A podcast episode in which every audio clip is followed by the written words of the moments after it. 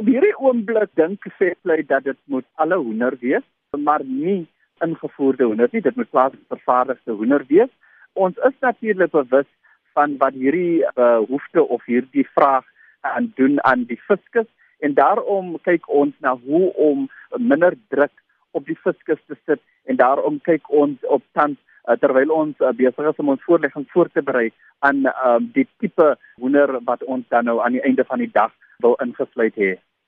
En hoe sal hierdie BTW vrystelling enigsins dan vir die regering baat?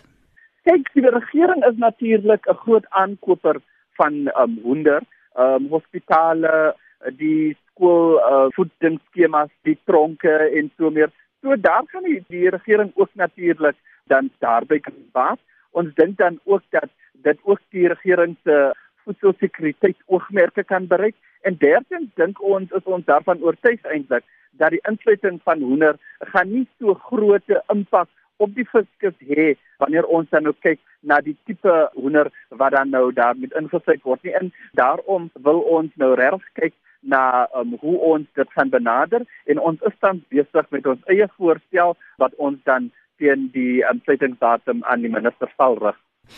sal hoendervervaardigers nie benadeel word nie? Ons is oortuig dat dit sal ook een van die maniere wees om die hoenderindustrie te beskerm en te bevorder, dat dit werksgeleenthede sal skep en dat dit dan 'n groter bydrae tot ons ekonomie sal maak.